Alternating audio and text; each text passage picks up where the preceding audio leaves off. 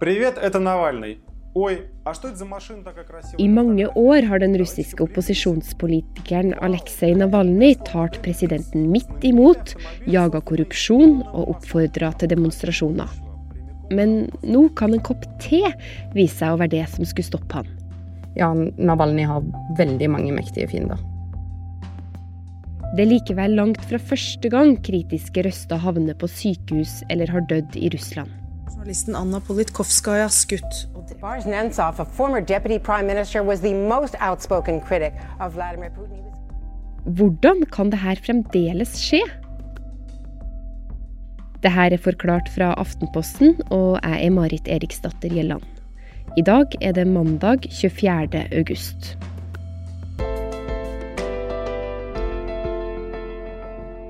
Navalnyj hadde da vært på en tur i byen Tomsk, som er en by som ligger ganske midt i Russland, eh, langt sør.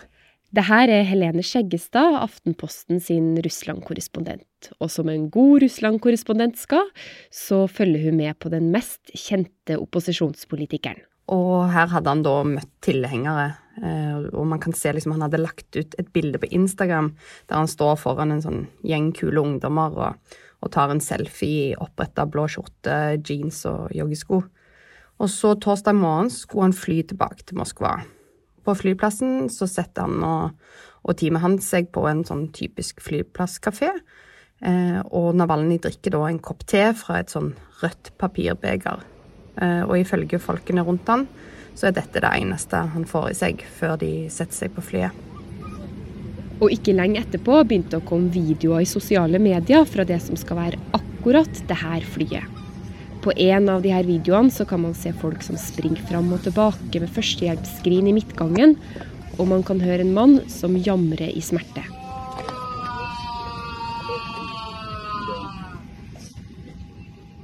Eh, og flyet det nødlander da i Omsk, og man kan se hvordan han blir frakta bort eh, til sykehuset med en gul og rød ambulanse. Så Aleksej Navalnyj havner på sykehus, og der kjemper han for livet. Mistanken er at han har blitt forgifta. Det her var i forrige uke, og Navalnyj har vært i koma siden det. Først på et russisk sykehus, og så i helga ble han flydd til Tyskland for behandling etter press fra familie og støttespillere. Da meldingene kom om at Navalnyj kanskje var forgifta, så ble Helene ordentlig overraska. Ja, dette var jo torsdag morgen, og jeg satt som jeg pleier å gjøre, drakk kaffe og leste helt andre nyheter. Da telefonen min nærmest eksploderte eh, av folk som, som ville snakke.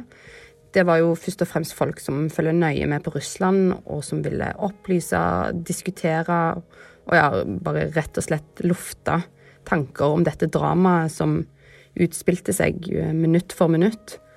Og man kan kanskje si at man ikke skal bli så veldig overraska over at en mann som er fengsla ja, 13 ganger og utsatt for syreangrep på åpen gate, igjen blir et mål. Men likevel, dette kom som et sjokk på mange. Hvorfor han, og hvorfor akkurat nå? For Aleksej Navalnyj, han er jo ikke hvem som helst. Den høye, slanke 44-åringen har millioner av følgere på Twitter og YouTube. Привет, это Навальный. Ой, а что это за машина такая Og har красивая на bl.a. blitt фотографии? kjent for arbeidet mot korrupsjon. Navalnyj er på den ene sida ikke en reell trussel for makten i Russland. Eh, Han anses for, for radikal for det store flertallet i landet. Eh, Han trekker ikke mer enn et par prosent stemmer i valg. Eh, Derfor har man lenge trodd at Navalnyj kanskje oppleves som ja, litt irriterende for Putin og hans parti. Men det at han får holde på, det gir jo òg Kreml et, et skinn av trom, demokratisk troverdighet. Men på samme tid da, så klarer han å samle stadig flere unge mennesker. Eh, hans antikorrupsjonsfond har òg avslørt mange ubehageligheter eh, blant den russiske eliten. Og ved lokalvalgene i fjor sommer så sto han bak en, en kampanje som de bare kalte Stem smart. Og den var retta mot eh, velgere som ønska å skade Putins parti, Det forente Russland. Eh, Og hvis man meldte seg på en liste, så fikk man beskjed om hvilken kandidat i ens valgdistrikt som lå best an til å slå regimets kandidat. Eh, I hovedstaden Moskva var dette en viktig grunn til at det mektige maktpartiet mista en tredjedel av setene i Moskvas duma, eh, altså bystyret. Så han er rett og slett, Helene, ikke særlig populær, da, verken blant uh, politikere eller folk som kanskje kunne holdt på med litt uh, korrupsjon? Ja, dette var jo et veldig langt svar for å si. Han er ikke særlig populær i veldig mange mektige kretser. Og det har gjort at han ikke akkurat har hatt et rolig og enkelt liv. Ja, Han er jo fengsla over ti ganger og har hatt flere straffesaker hengende over seg. Eh, organisasjonen rundt han har blitt ransaka flere ganger, og, og, de fleste i hans krets har vært innom fengsel. Eh, det kanskje mest absurde var da han fikk sånn etsende grønn eh, malingssyre i ansiktet på, på åpen gate i Moskva. Men Aleksej Nevalnyj er langt fra den eneste som har havna på sykehus etter det som kan ha vært forgiftning i Russland.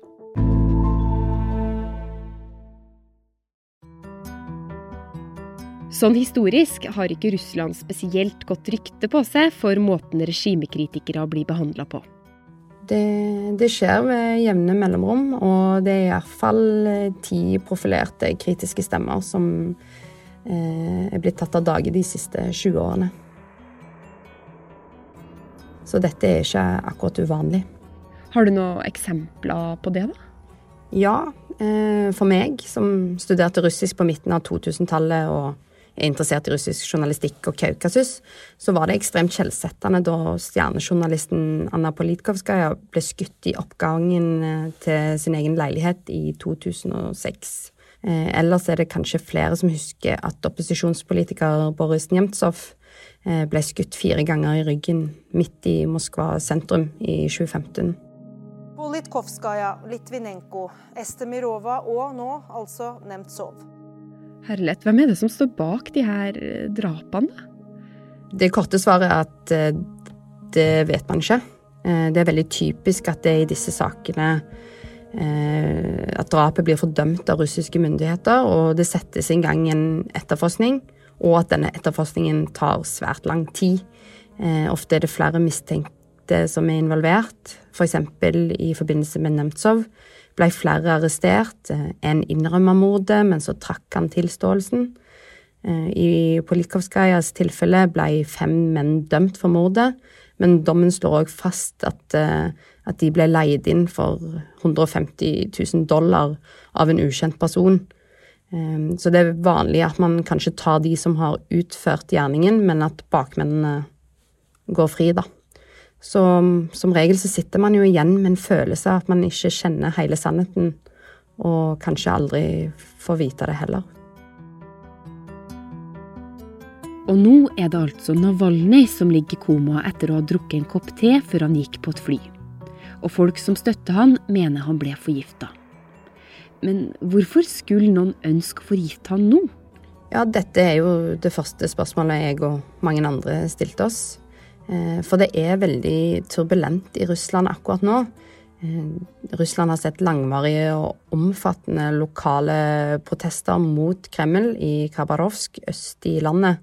Samtidig så står nabolandet og lillebror Hviterussland på randen av en revolusjon og til høsten skal Russland ha regionalvalg. Og det man lurer på, er jo vil det som skjer med Navalnyj bidra til en mobilisering av de unge i de store byene?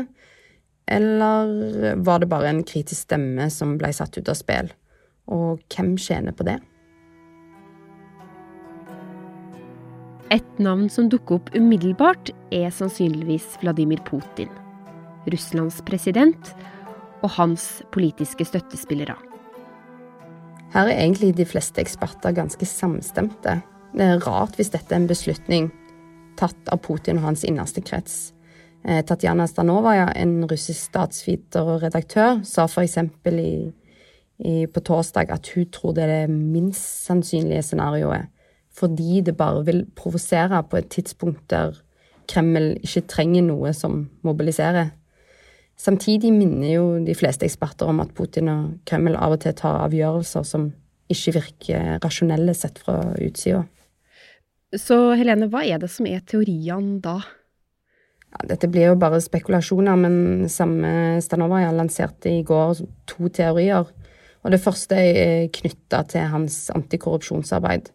Navalny har markert seg som selve korrupsjonsjegeren i Russland de siste årene, og da har han skaffa seg mange mektige fiender. Det andre teorien er at dette er noen av regimets vakthunder som står bak. Eh, for det finnes grupperinger som, i Russland som ikke er direkte knytta til Kreml, men som ser det som sin oppgave å beskytte landets stabilitet. F.eks. for eksempel ble mordet på allerede nevnte Boris Nemtsov i 2015 knytta til det tsjetsjenske miljøet. Og dette er grupperinger som tror at de gjør Kreml en tjeneste ved å fjerne såkalt uromomenter uten at de nødvendigvis har fått en direkte ordre om det.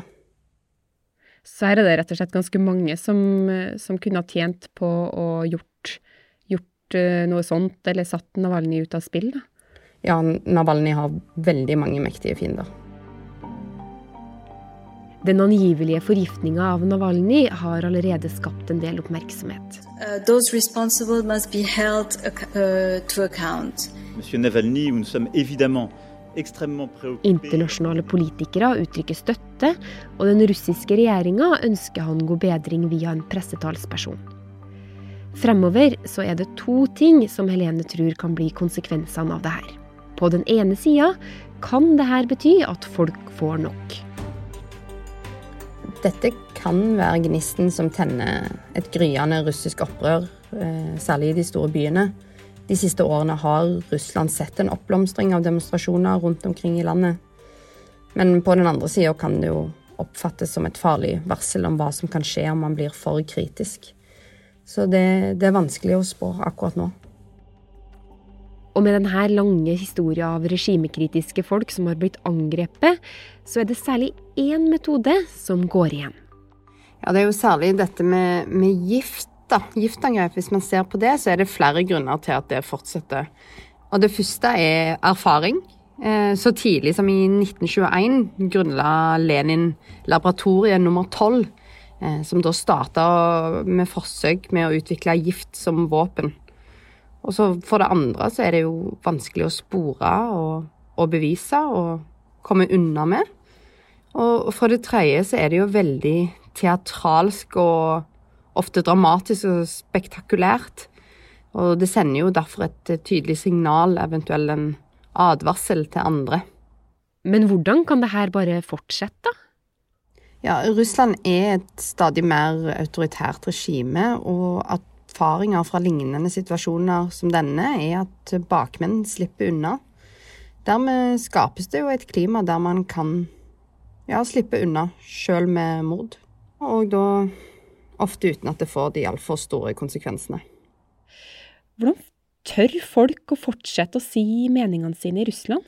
Ja, det kan du si. Eh, men jeg slutter ikke å la meg imponere av hvor frittalende og kritisk russere er mot makten og mot urettferdighet eh, de opplever i eget land.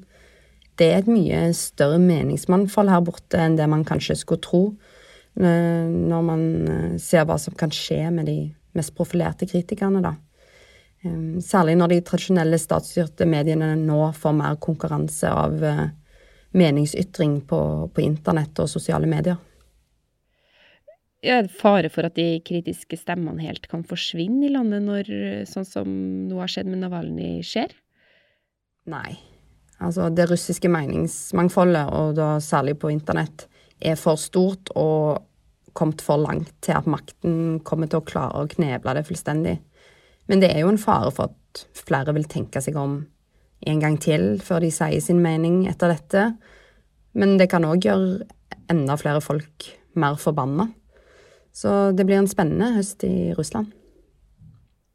Og så Helene, du sa også i starten der at uh, i andre saker der folk har blitt angrepet og drept, så ender man opp med en litt sånn følelse av å aldri helt få svaret på hva som egentlig skjedde. Tror du vi noen gang kommer til å få noe svar i, på hva som egentlig skjedde med Navalny? Nei, dessverre så tror jeg ikke at man får et svar man kan sette to streker under uh, denne gangen heller.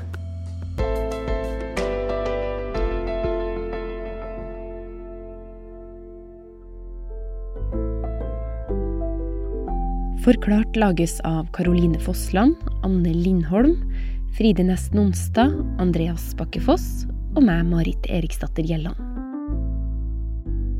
I denne episoden har du hørt lyd fra nyhetsbyrået AP, NRK, NBC News, Insta-kontoen til DJ Pravlin og YouTube-kontoene til Aleksej Navalnyj.